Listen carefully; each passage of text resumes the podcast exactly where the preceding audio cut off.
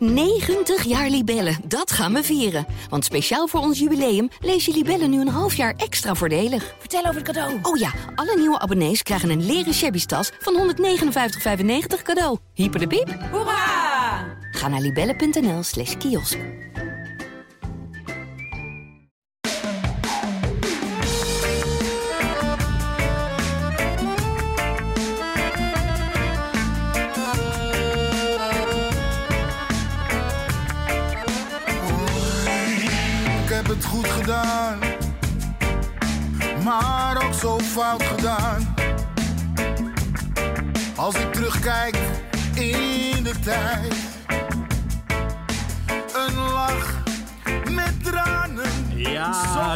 Hij is binnen hoor. Ajax is landskampioen. De 35e titel uit de clubhistorie. Wat vorige week nog officieus was, is nu officieel. Welkom bij Brani, de Ajax-podcast van het Parool en Ajax Showtime. We gaan het hebben over de landstitel, over de kampioenswedstrijd en alles wat erbij komt kijken. En dat ga ik doen met eh, Thijs Zwageman van Ajax Showtime, die aan mijn linkerkant zit. Tel, Thijs, welkom. Yes, dankjewel. En aan de andere kant Dick Sintony van het Parool. Die eh, tot het eh, zeer selecte gezelschap hoorde dat er in het stadion bij aanwezig mocht zijn. Want dat mocht voor de rest bijna niemand, zoals jullie weten. Ehm, om maar meteen te beginnen met eh, de, de, de actualiteit die eigenlijk op deze maandag het meeste speelt. Eh, de huldiging na afloop, het spontane volksfeest bij de Arena. Heb jij ertussen gestaan, Thijs? Nee, met een, ik, met een eh, fakkel in je hand? Nee, nee, nee. Dus had je me gezien of niet? nee, natuurlijk niet. Nee, ik, ik was daar niet bij. En ja, inderdaad, eh, je, je mo- moet het eigenlijk afkeuren en het is niet goed. Maar het is wel, eh, wel logisch dat het gebeurt. Bij, ja, sport is emotie en helemaal bij dit soort prestaties. En in een jaar waarin de supporters er bijna nooit bij hebben kunnen zijn. Eh, daarbij wat Ten Hag ook eh, aangaf is dat je vorige week na AZ natuurlijk ook al die festiviteiten had bij dat arena dek. En dat hij vond het dan lastig te verkopen dat je dat dan een week later als je echt kampioen eh, wordt, dat je eh, al die activiteiten dan niet hebt. Ja. Vond ik op zich niet een, hele ster niet een heel sterk argument. Maar ik denk ja, eh, eh, eh, de wedstrijd was natuurlijk verboden voor publiek, maar Mensen komen naar het stadion, eh, eh, eh, begeven zich in die omgeving. En dan, ja, daar doe je denk ik niet, niet al te veel aan. En als je dat wel doet, dan gaat het escaleren en komen er hele grote, grote rellen, denk ik. Dus ik denk dat het, het, het is niet goed en het mag niet. Maar ik denk dat zoals het nu is gegaan, dat dat wel, wel de juiste manier toch is geweest. Ja, ministers en wethouders hebben er wel vragen over. Dick, jij hebt het ongeveer zien gebeuren, die, dat, eh, die bijeenkomst. daar, Ja, nee, we hoorden het al eh, gebeuren. In het stadion was wel, eh, was wel duidelijk, al de hele wedstrijd, al voor de wedstrijd, dat er zich buiten eh, eh, steeds meer mensen verzamelden. hè. Je hoorde gezang, je hoorde vuurwerk. eh, na een doelpunt eh, hoorde je ook wel wat reactie buiten. En dat zwol wel aan. Dus we hadden wel het gevoel buiten, ondanks dat we niks konden zien, dat het steeds drukker werd. Ja, en dat is niet, dat is niet te, te sturen, denk ik. Mensen, mensen doen dat. En, en jij, jij bent ook niet geweest, Menno. En jij zei van nou, ik, zal, ik zou er ook nooit naartoe gaan. Nee, Maar goed, nee. er zijn, er zijn 12.000 mensen, geloof ik, die, die dat een heel diepe gevoel wel hebben. Ja, Ja, en probeer dat dan maar eens eh, fatsoenlijk in, eh, in goede banen te leiden. Dat is natuurlijk is hartstikke moeilijk. Had jij ook het gevoel dat het uiteindelijk wel vreedzaam was? Er zijn weinig arrestaties verricht. De, de politie en gemeente spreken over een re- relatief rustige samenkomst daar. Ja, voor wat ik ervan kan, kan zien en heb gezien, is dat wel vreedzaam. Alleen ja, het gaat natuurlijk al, eh, tegen alle coronamaatregelen in. Alleen ja, ik, ik heb niet het gevoel dat als je.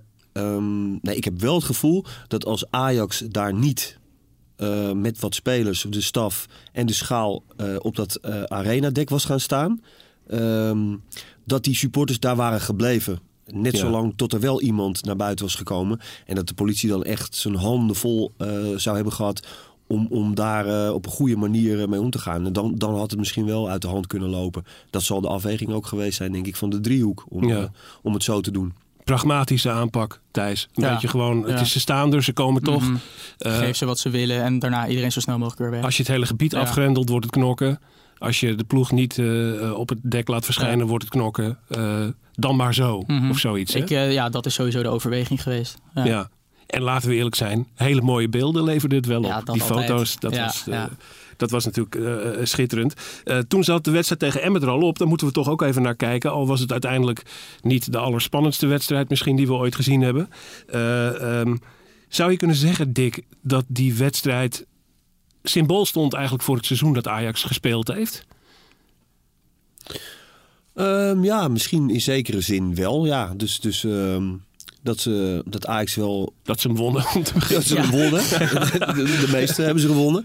Eh, nee, maar dat ze, dat ze zich wel zeg maar, eh, in, in, een, in de wedstrijd hebben moeten, moeten knokken. De eerste, eerste 20 minuten hadden ze trouwens wel drie keer kunnen scoren in plaats van één keer. Maar ehm de Emmen speelde daar goed, gaf goed tegenstand. Maar er zit zoveel, ja, er zit zoveel dadendrang in die ploeg. Hè? Dus je zag vrij kort na rust al dat Emmen dat toch ook weer niet kon belopen. Ja. Eh, ja, en dan, dan dat, alsof het en zo'n roofdier, dan, dan proeft Ajax dat. Weet je, dan voelen ze van, hé, hey, wacht even. We krijgen nu net een half metertje meer. En als we nu openen op de flank, ligt er net twee, drie meter meer ruimte. Ja, en dan is het pats, pats, pats. En dan is het gebeurd. Ja, Dan ligt ja de die, die analogie bedoel ik natuurlijk inderdaad. Hè. Zo'n, een, als je het vergelijkt met het seizoen als geheel. eh, een eerste helft waarin Ajax wel eh, eh, op voorsprong komt en het beter doet dan de tegenstander. Maar dat er eigenlijk na rust iets loskomt over die ploeg van we gaan nu echt, eh, we bijten nu door. Ja. Dat, zo was het in het seizoen als geheel ook een klein beetje zou je kunnen zeggen. Zeker, zeker. Ja, je weet natuurlijk vanaf die, vanaf die januari maand waarin Ajax afstand heeft genomen dat eh, ja, het, het elftal op zijn plaats viel. Poppetjes op de juiste plek kwamen te staan en toen, toen werd er afstand genomen en werden wedstrijden heel overtuigend gewonnen. Wat tot die tijd inderdaad niet het geval was. Maar daarbij wel eh, met de kanttekening wat Dick ook net aangeeft dat Ajax zeker de eerste 20, 25 minuten gewoon heer en meester was. Ja. Drie, vier goals inderdaad al had moeten maken. En dan heb je ook weer een heel ander beeld van die eerste helft natuurlijk. Want die kansen daarvoor waren er 100%. Maar eh, ja, met het spel na de rust en de echte hele mooie goals die daar gemaakt zijn, geef je het, eh, ja, het kampioenschap en het kampioensduel wel extra glans natuurlijk. Ja. Dus ik denk eh, uiteindelijk gewoon een hele mooie middag. Leuk is dat het eerste doelpunt van de middag werd gemaakt door de enige speler op het veld die er nog niet eentje gemaakt had dit seizoen. Dat is een, eh, eh, een grappig statistiekje en eh, voor de betrokkenen zelf ook heel erg leuk. Jurien Timber, Mhm. Toch een van de opvallende figuren. En dan krijg je later er ook nog een doelpunt van Rens bij. Dat zijn toch twee eh, jongens met een verhaal hè, dit jaar. Ja. O- Opmerkelijke doorbraken. Ja, en eh, het, het leuke is wel dat het zich, eh, dat het zich ehm, eigenlijk al vanaf de zomer ehm, heeft aangekondigd. Alleen, ehm, ik heb een interview gehad met eh, Ten Hag, wat, wat vandaag ook in, de- in de krant staat, en gisteren al online, waarin hij ook wel zegt dat, dat sommige dingen ook wel zijn natuurlijke beloop moeten hebben hè, in het seizoen. Dat je niet zomaar pap, paf, even één wissel, twee wissel, de volgende wedstrijd weer. Je moet dingen ook wel echt even de tijd eh, gunnen. En zeker die jonge jongens. Ja, die zie je echt heel langzaam. En Gravenberg ook. Thijs Ja, heeft ja. ook een mooi verhaal nog eh, geschreven op Showtime over, eh, over Gravenberg. Ja, En die heeft eigenlijk zo'nzelfde, zo'nzelfde ontwikkeling doorgemaakt. Weet je wel? De, de tijd krijgen om je geleidelijk op een goede manier echt in het elftal te nestelen. Ja, dat is echt prachtig om te zien. Ja. Nu was natuurlijk Ryan Gravenberg vanaf het begin van het seizoen eigenlijk basisspeler. Mhm. Eh, en werd daar langzaam maar zeker steeds beter in.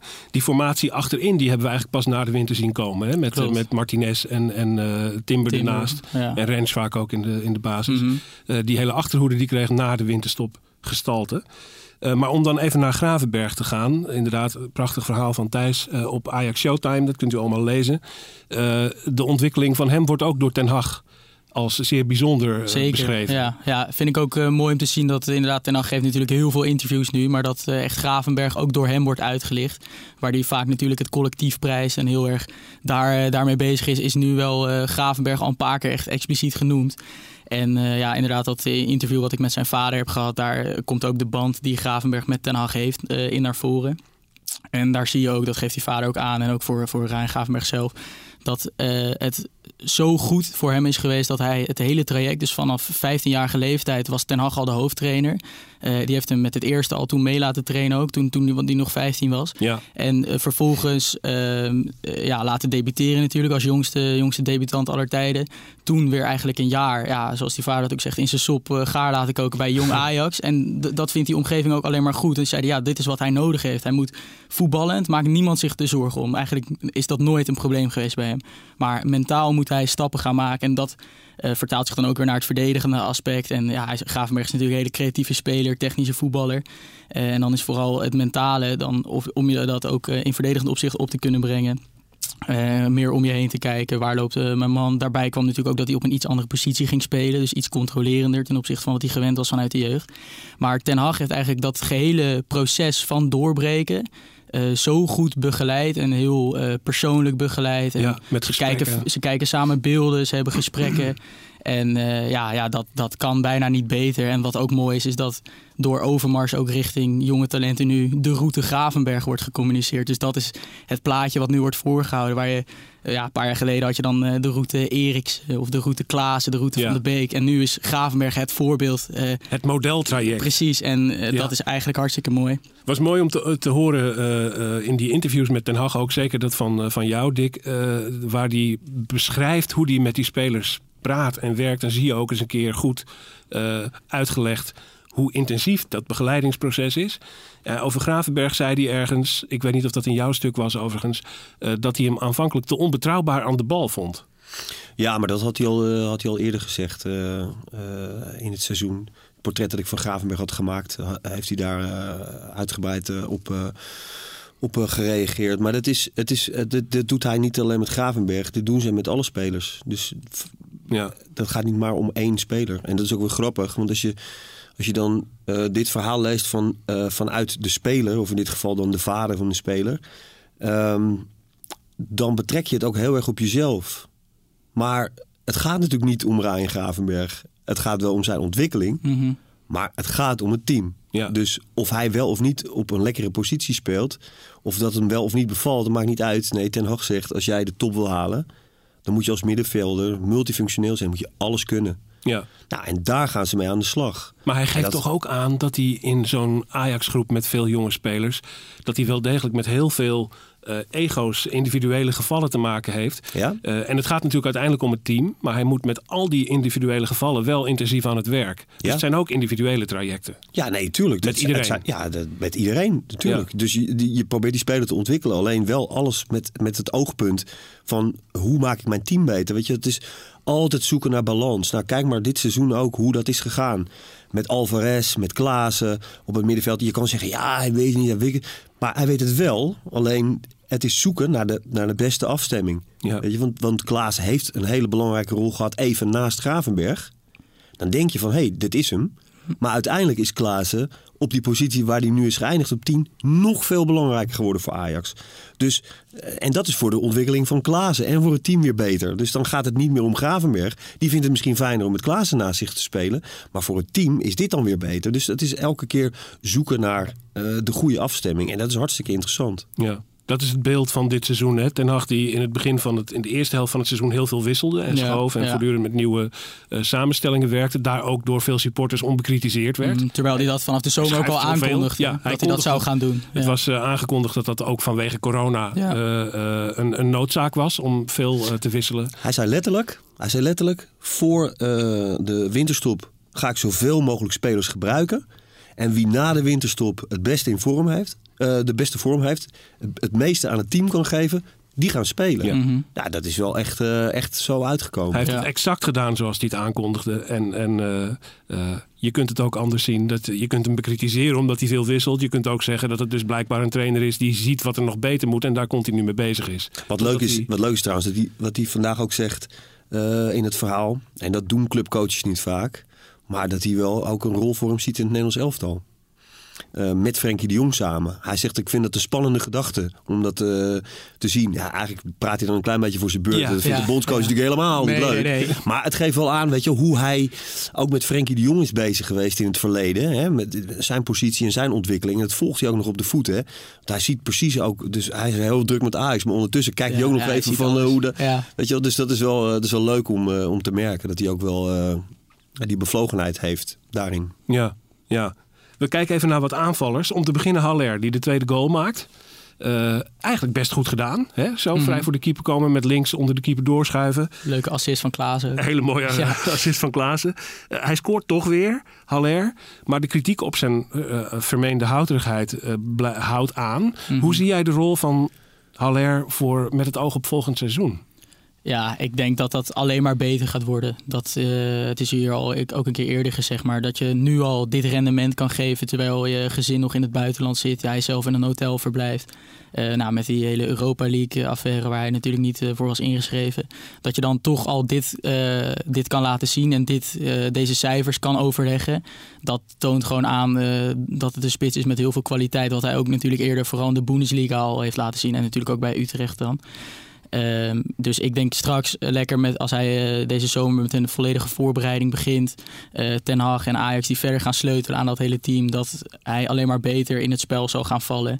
En dat ja, Haller, zoals hij dat nu al is, echt een wapen als aanspeelpunt en echt een belangrijke kracht natuurlijk. Dat dat komend seizoen nog gevaarlijker gaat worden. Dat de afstemming nog beter zal gaan worden met een Klaassen, met Tadic, met Anthony, Neres, die jongens daaromheen. Uh, dus dat is, zal alleen maar beter gaan worden en dat zal zich alleen maar beter gaan ontwikkelen. Dus ik heb daar eigenlijk heel veel vertrouwen in. Ja. En uh, ik ja, kijk ook gewoon naar uit om alleen een heel jaar in de eredivisie te zien. En ook uh, leuk dat de spits van Ajax dan weer op de topscorerslijst gewoon mee kan gaan doen. Want ja, dat zijn natuurlijk wel de cijfers die hij nu in een half jaartje al al kan overleggen. Ja, laat staan als hij dat komend seizoen dus het hele jaar gaat laten zien. Ja. Daar ben ik eigenlijk wel van overtuigd. En dat, dat kan alleen maar beter worden. Dat, uh, dat ja, staat voor mij wel vast eigenlijk. Is de toon in de club ook zo, Dick? Over hem? Um... Of bestaan daar toch ook, bestaat daar toch ook een deel van de twijfels die je bij de aanhang hoort? Ja, ik denk wel dat er een, uh, dat er een, een gereden twijfel is. Niet, niet binnen de staf of zo. Hè. Die, die, die zijn er wel van overtuigd, dat ze hem ook niet gehaald. Maar ik denk wel dat er, uh, dat er ook in omdat je, omdat je aan zijn spel ook wel ziet. Er zitten wat elementaire uh, dingen in voor een Ajax-spits. Waar, waar hij niet zo heel erg goed in is. en Noem even op. Even, even dacht ik van, uh, ja, dat heeft tijd nodig en dat komt wel. En hij heeft het. Nou ja, gewoon de, de, de, het vermogen om, om, uh, om, om de bal echt goed af te schermen. Weet je, dus echt goed de controle uh, te houden. En vaak is hij wel in eerste instantie wint hij het duel. Maar is dan de kaats of de controle of het opzetten van een combinatie, weet je, dat komt dan niet uit de verf. Ja, daar zal hij wel echt beter in moeten worden om de spits te worden die die kan zijn. Ja. Beetje cryptisch wat ik nu zeg, maar ja. je begrijpt wat ik bedoel. Maar Ajax zal ook iets moeten op die positie. Hè? We zijn natuurlijk dit seizoen, uh, Klaas-Jan Huntelaar uh, is vertrokken en Brobby vertrekt ook. Uh, Lassina Traoré bestaat niet zo heel veel vertrouwen meer in. Dat lijkt ook een, een, duidelijk geval, krijgt weinig speeltijd. dus dan heb je eigenlijk alleen Haller. daar zal een spits bij komen, neem ik aan. Ja. En is dat dan ook iemand die meteen voor Haller een heel serieuze concurrent zal zijn? Nou ja, ik, ik, ik denk dat ze mikken op een, op een jonge spits. Dus uh, wel, wel uh, één in de, in de lijn van uh, Brobby. En dat is natuurlijk ook een, een grote voorname reden waarom Overmars zo baalt van het feit dat Brobby gaat. Omdat hij ook nog zo jong is en Ja. nog zoveel heeft te leren. En in de schaduw van Aller natuurlijk een geweldige ontwikkeling had kunnen doormaken. Mhm. Dus ik denk wel dat ze zoeken naar een, naar een, jonge, een jonge aanvaller. Ja. Die trainer die uh, Brobby gehaald heeft, is inmiddels weg Ja. Denk jij dat hij baalt? Ja, ik denk het wel. Ook met eh, die technisch directeur die daar nu ook weg is. Van zijn Eh, salarisstrook zal hij niet balen. nee, maar maar nee. het is toch, hij gaat toch bij een andere club terechtkomen dan waar hij voor gekozen ja, heeft. Hè? ja, en het zal ook niet zo zijn dat hij nu met eh, tegenzin naar Leipzig gaat of zo. Ik denk dat het ook weer niet zo'n groot verschil is. En als hij zich daar straks meldt en met die trainer ook een goed gesprek heeft en vertrouwen voelt, dan kan het nog steeds natuurlijk gewoon een succes worden. Maar ja, Nagelsman is wel een van de voornaamste redenen natuurlijk om voor Leipzig te kiezen door alles wat hij daar heeft opgebouwd. En ja, als hij dan vertrekt, dan, eh, dan ja, lijkt het me wel dat hij daarvan baalt. Ja, nou, ik, denk, ik denk dat dat niet zo heel veel uitmaakt voor hem. Nee? Nee, want dan had hij gewoon bij Ajax kunnen blijven. Als je ziet hoe Ten Hag met de jonge spelers omgaat. Als hij nou van één trainer ook veel had kunnen leren was van Ten Hag. Mhm. Hoef je echt niet voor naar Nagelsman. Dus eh, ik denk niet dat dat de hoofdreden is geweest eh, om eh, te kiezen voor Leipzig. Ik denk sowieso ook gewoon überhaupt het perspectief wat hij bij die club heeft hoor. Met, ze hebben een aantal spelers die in de spits niet optimaal presteren. Daar liggen echt kansen voor hem. Ik zeg niet dat hij gelijk basisspeler zal worden, maar in de loop van het seizoen kan hij daar echt wel een basisplaats gaan veroveren. Ja. En dat perspectief heb je denk ik niet bij een andere Europese, ja, zeg maar subtopclub. Zeker in, de, in zo'n competitie als de Bundesliga, die Ja. daarin gewoon bovenin meedoet. In principe Dus dat is drie, eh, 100% het belangrijkste om voor hem om voor Leipzig te kiezen. Ja. En dan Nagelsman is dan een leuke bijkomstigheid die dus nu wegvalt inderdaad. Maar ik denk sowieso dat het perspectief op speeltijd daar het belangrijkste was. En of dat, een dat is nog keuze is het niet, sowieso. Ik bedoel, hij kiest voor een club waar hij echt iets kan Ja, waar doen. gewoon perspectief is. Ja, Ja. zeker. Ja. Ja, maar goed, we moeten er ook een beetje aan gaan wennen dat eh, jonge gasten soms eh, niet voor Ajax kiezen. Eh, of, of voor een verlengd verblijf in Nederland en naar het buitenland gaan. En die vrijheid die hebben ze. Ja. En eh, nou ja, we wensen hem alle succes. Ja. Ja. Wie wel blijft, is Dusan Tadic. Eh, die lijkt dat althans eh, vast van plan te zijn. Eh, fenomenale cijfers deze, eh, deze man eh, weer dit seizoen heeft hij neergezet.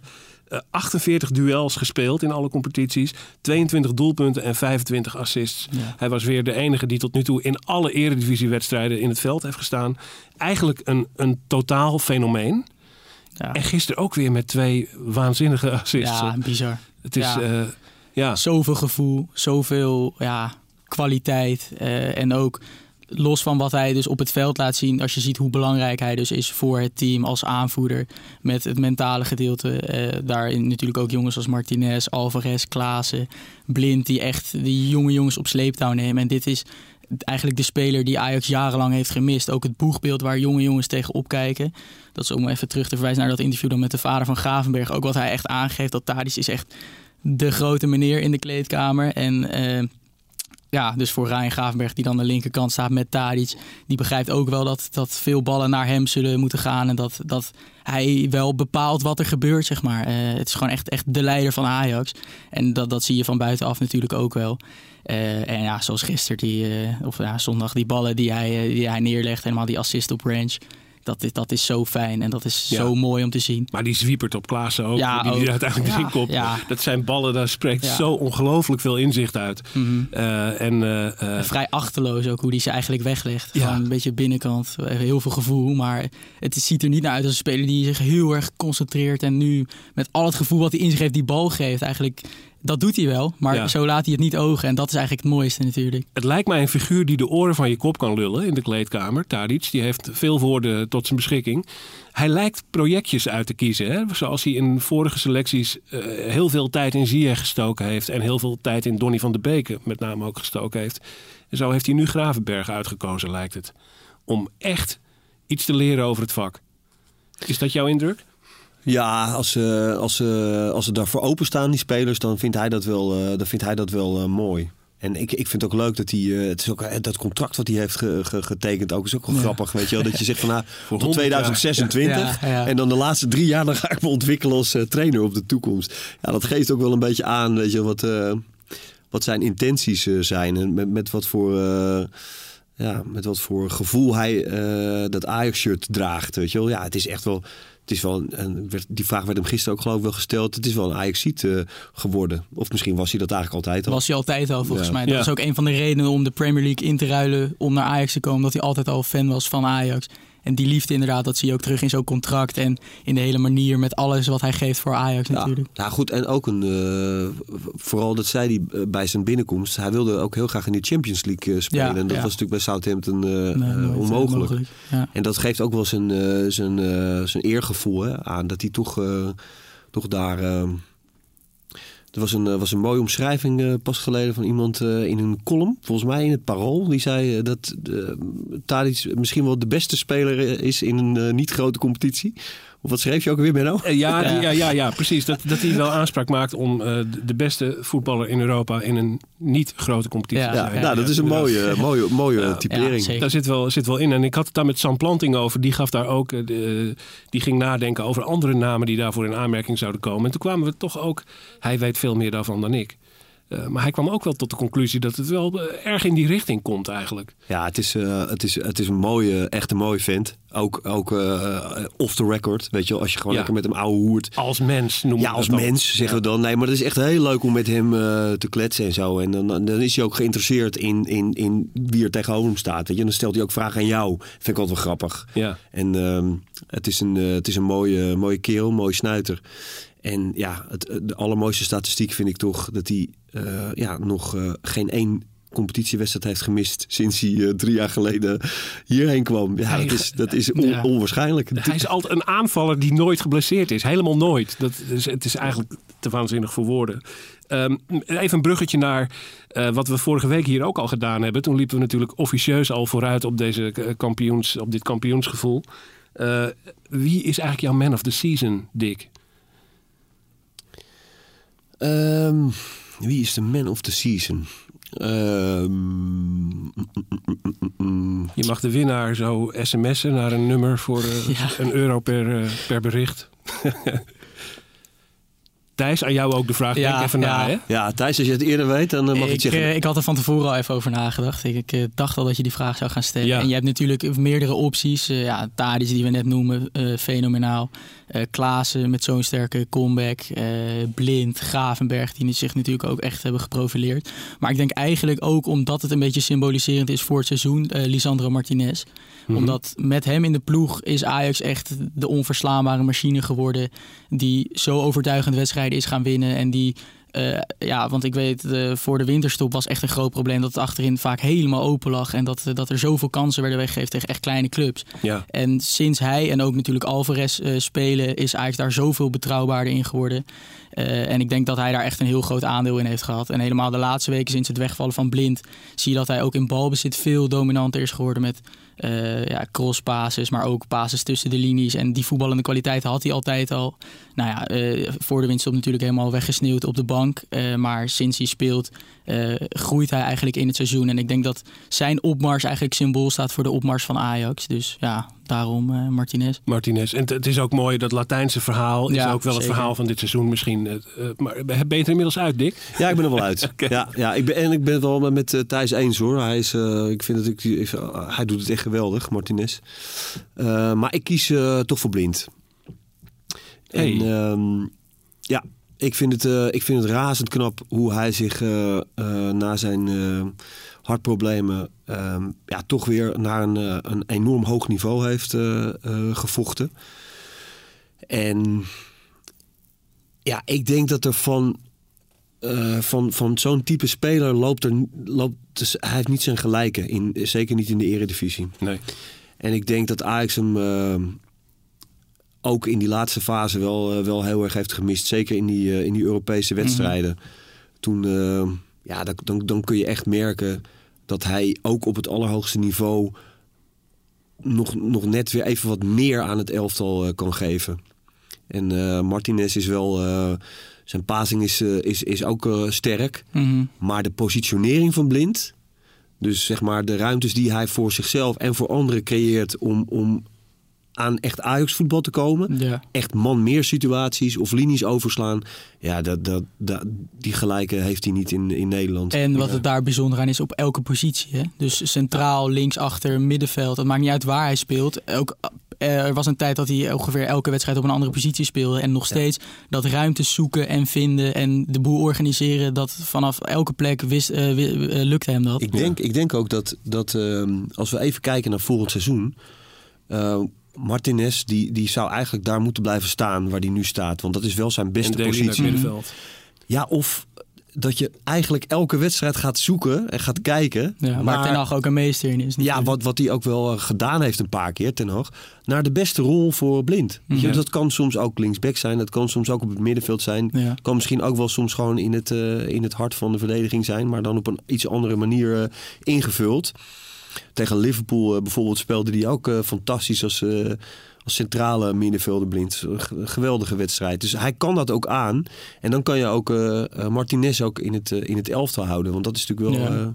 Eh, Ja, en misschien dat ze heel ver vooruit kijken. Maar stel dat Talia Figo toch een transfer gaat maken. Als je dan voor Blind een rol creëert op linksachter. Waarin hij ook de vrijheid heeft om het middenveld te versterken. Of om centraal uit te Ja. zakken. Wat nu vaak dan zeg maar Gravenberg doet als middenvelder. Die zich dan laat uitzakken naar de verdediging. Als je kiest voor Blind als linksback. Dan zou je de speelwijze iets op de schop moeten gooien. Maar dan eh, daar zit wel ruimte in natuurlijk. Om hem vanaf linksback nog steeds die eh, dominante speler te laten zijn. Dus dat zou nog een goede optie kunnen zijn om zowel Martinez als Blind allebei te laten spelen. En Gravenberg dan daarvoor. Ja, Maar dat ligt natuurlijk ook aan wat uh, gaat doen. ja. En eh, anders is het met dat drukke speelschema natuurlijk altijd mogelijk om te roleren. En inderdaad uit te gaan van krachten van tegenstanders en krachten van, van je eigen team. Dus wat je zelf nodig hebt.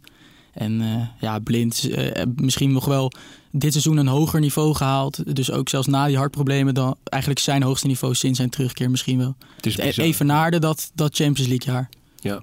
eh, in mijn ogen. Ja. Ja. nou dan kies ik nog even mijn man of the season. De enige reden waarom ik niet Dusan Tadic kies is omdat hij voor mij eh, de man van dit tijdperk gaat worden. Ja. Eh, en dan kies ik bij deze voor Davy Klaassen. Dan hebben we een mooie top drie met Martinez, Blind en Davy Klaassen. Met Tadic als een soort captain ja. Daar, daar, daarboven. Dan hebben we het nieuwe Ajax wel samengevat. Over het nieuwe Ajax gesproken. Ik heb een boek geschreven dat het nieuwe Ajax heet. Het is inmiddels twee jaar oud. Daar gaan we er eentje van weggeven. Omdat dat nog altijd heel erg aangeeft. Het verhaal van Ajax. Hoe de club zich ontwikkeld heeft. Hoe het veranderd is de afgelopen jaren. En waar de ploeg nu staat. Ga naar Brani de podcast op Twitter.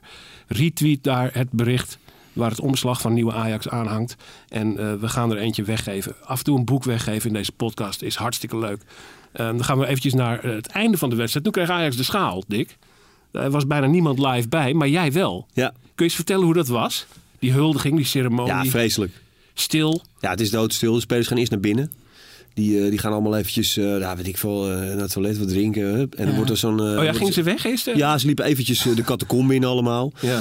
En ja, er wordt dus een heel een podiumpje opgebouwd, weet je wel. Met zo'n hekwerk waar al die fotografen dan achter moeten blijven. En nou goed, dan komt Erik Gudde met die schaal. Ja, dat is een... Ja, dat is gewoon eigenlijk heel triestig. Ja. Maar wat ik wel weer leuk vond, is dat... Ja, ten, ten, Hag, ten Hag zei dat echt geweldig. Die zei van... Hij zegt, het is net alsof je met een pupillenelftal kampioen wordt. Ja. Want er is Ja. niemand bij, maar het enthousiasme van die spelers is natuurlijk wel heel puur. Ja. Dus je deelt het dan even niet met de fans, maar dan ga je het gewoon met elkaar delen. Ja, ja, dus die hadden alleen maar gekkigheid met elkaar. Die gingen tegen die borden aanslaan, weet je, als er weer een speler werd omgeroepen. En dan begonnen ze zelf allemaal te springen en te klappen en eh, aan te moedigen en zo. Dus dat was, dat was wel weer heel grappig om te zien.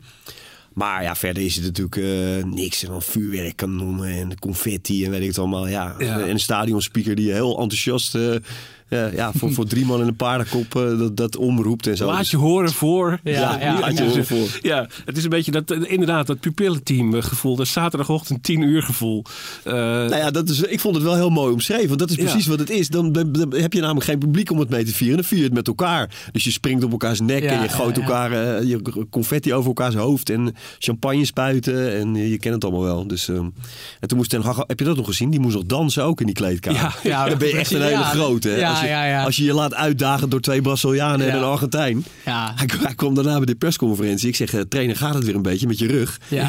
Oh, het waren hele mooie passen, zo, vond je niet? Ja, ja. ja, ja, ja, ja. Het is goed. Het Ja, is het is goed. maar zo prachtig om hem zo te zien ook. Ja. Ik vond het echt mooi. De Haaksbergen Samba was Ja, dat eh, ja. In, de, in de kleedkamer van, eh, eh, van, van Erik ten Hag. Eh, even heel gauw een ding wat ik aan jullie wil, wil voorleggen. Ehm, met deze landstitel eh, is Ajax volgens sommigen het Bayern van Nederland geworden. Definitief niet meer in te halen. Dat woord definitief wordt natuurlijk altijd heel erg onterecht veel gebruikt. Hoe, hoe ernstig is, staat het ervoor eigenlijk voor de rest van de eredivisie? Is Ajax definitief opgestegen of is dat totale flauwekul? Nou, ik heb het vandaag weer gesproken eh, in, eh, in mijn krant.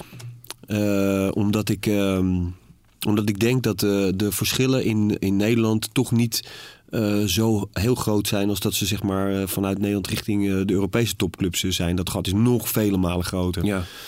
En ik heb dat ook geprobeerd een beetje te schetsen.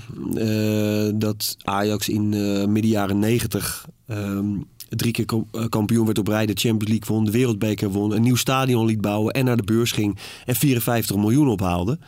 En ik denk een jaartje of vijf, zes daarna eh, was alles op. Ja. en eh, en sto- stond Ajax gewoon weer vierde eh, op de ranglijst. Dus om, om aan te geven ehm, dat, dat Ajax ook op zijn hoede moet, moet zijn. En er wordt gereageerd door de concurrentie. hè. PSV gaat hier echt wel. ehm, de alarmbellen zijn wel afgegaan. En, en, en Feyenoord is echt heel ver weg. Ja. Nu met zichzelf enorm overhoop. Ehm, maar dat, dat komt ook toch wel weer eh, bovendrijven. We zullen het op korte termijn hebben over PSV en AZ. Maar, eh, Ja, en, en Feyenoord zullen- komt daar wel weer bij. En eh, ja, god, wat daar, nog, eh, wat, daar nog, wat daar nog weer bij komt, is dat Ajax ook, eh, en ook geschetst, ook risico neemt. Want zij moeten elk jaar Champions League halen. Dat geld hebben ze nodig om de begroting sluitend te krijgen. En ze moeten elk jaar één of twee spelers verkopen voor een hoge prijs. 50 miljoen heeft eh, Overmars gezegd nu. Ja, dan neem je wel risico. Weet Ja. je wel? Dus, dus, dus loop het één jaar mis. en je, en je concurrent is er toevallig, eh, gaat daarmee vandoor, dan ben je weg. Dan ben je Ja. gezien. Ja. Dan moet je echt al heel snel weer gaan terugschakelen. Ja, Dat- ja dat- ik dat- eh, vind sowieso dit ook nog overdreven om nu te zeggen dat Ajax niet meer te achterhalen is en het Bayern van Nederland. Dat zullen ze het echt over een langere periode moeten laten zien. ja. Eh, en dat is ook de afgelopen jaren natuurlijk gebleken dat het vorig seizoen, toen de competitie stopte, was AZ ook hijgde in de nek natuurlijk. Dus zo groot is dat verschil echt nog niet. Het enige wat, wat wel is, is dat natuurlijk elk jaar het verschil wel groter wordt als Ajax elk jaar Champions League speelt, al die inkomsten binnenhaalt. Eh, en daarbij dat het er nu wel op lijkt dat de selectie redelijk intact gaat blijven. En dat is natuurlijk ook wel een verschil met de voorgaande jaren, waar altijd wel, nou, vorig jaar Ziyech, Van de Beek eh, vertrokken, nog Dest, Veldman. Eh, na de Champions League jaar natuurlijk De Licht en, en Frenkie. Eh, ja, en nu lijkt je die selectie toch ja, misschien met twee namen inderdaad dan weg, maar verder redelijk intact te kunnen houden. En dan heb je wel ingrediënten om natuurlijk wel opnieuw heel ver weg te gaan lopen. Want dan zijn alle automatismes er. maar- en maar je- kan je dan hangt verder van kleine dingen af. Hè. Ik, vind, ik vind het zelf totale nonsens. Hoor. Ja, op dit moment Ajax, sowieso. eh, Nee, maar je, Ja. kan pas, je kan pas echt weglopen bij de concurrentie als Ajax deelneemt aan een Super League. ja. En elk jaar gegarandeerd 300 miljoen krijgt. Ja. En, en ook niet uit die Super League kan degraderen. Dus dat is vast. Of er komt een eigenaar die zegt: Ik steek elk jaar 200 miljoen in deze ja, dat club. je die zekerheid hebt. Dan ben je weg. Ja. Maar, Ja. maar nu is het afhankelijk van Mhm. Champions League halen, wel of niet.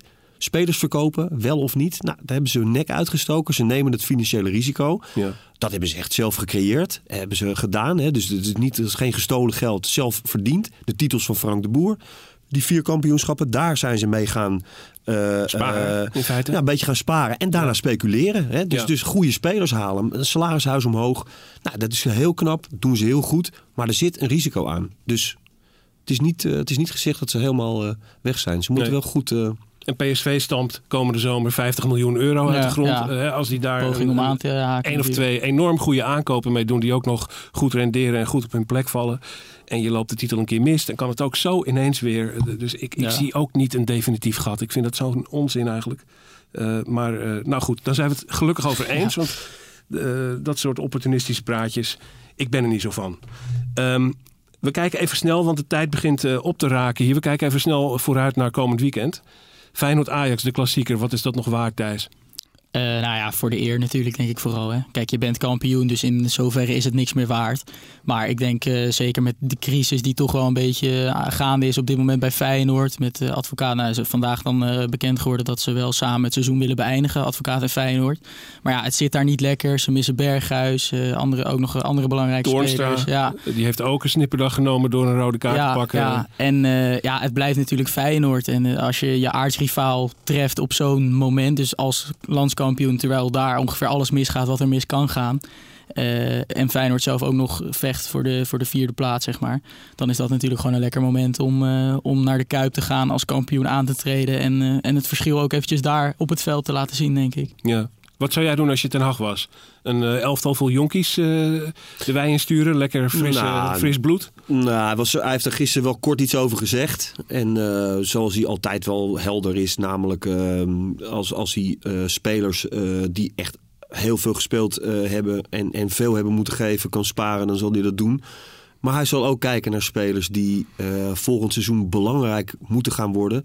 En die nu nog niet echt aan de bak komen. Dus Kudus, ja, die gaat gewoon spelen tegen Feyenoord. Dat, ik kan me niet eh, voorstellen. denk je? Ja, basis. Ja, die, dat, die moeten lekker hun wedstrijden gaan maken. Mhm. En misschien eh, kan je Kjell Scherpen eh, laten keepen. Ja, nee, maar ik bedoel, dat zijn ook, is ook op basis van wat je verdient, weet je wel. En wat, wat, wat, wat ook fair is ten opzichte van, van die spelers.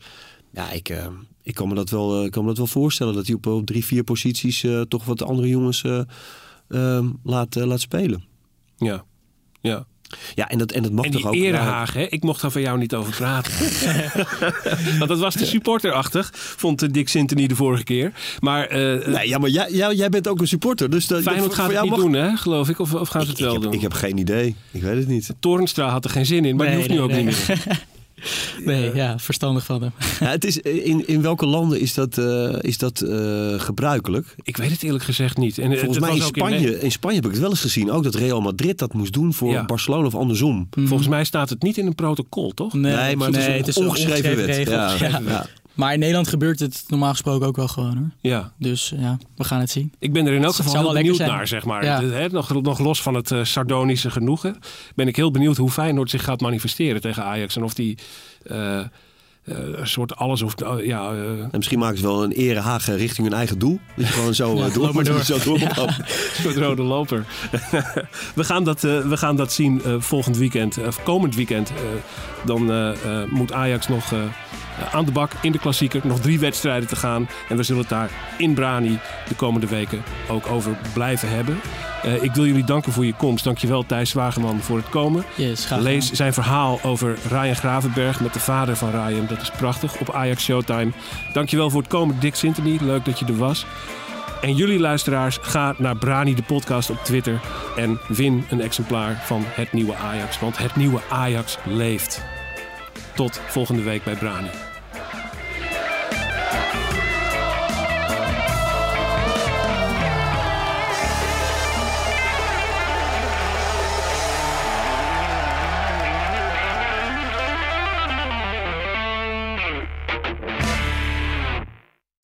We worden dagelijks overladen met overbodige informatie. En het is moeilijk de zin van de onzin te scheiden. Daarom vertrouw ik op echte journalisten in plaats van meningen.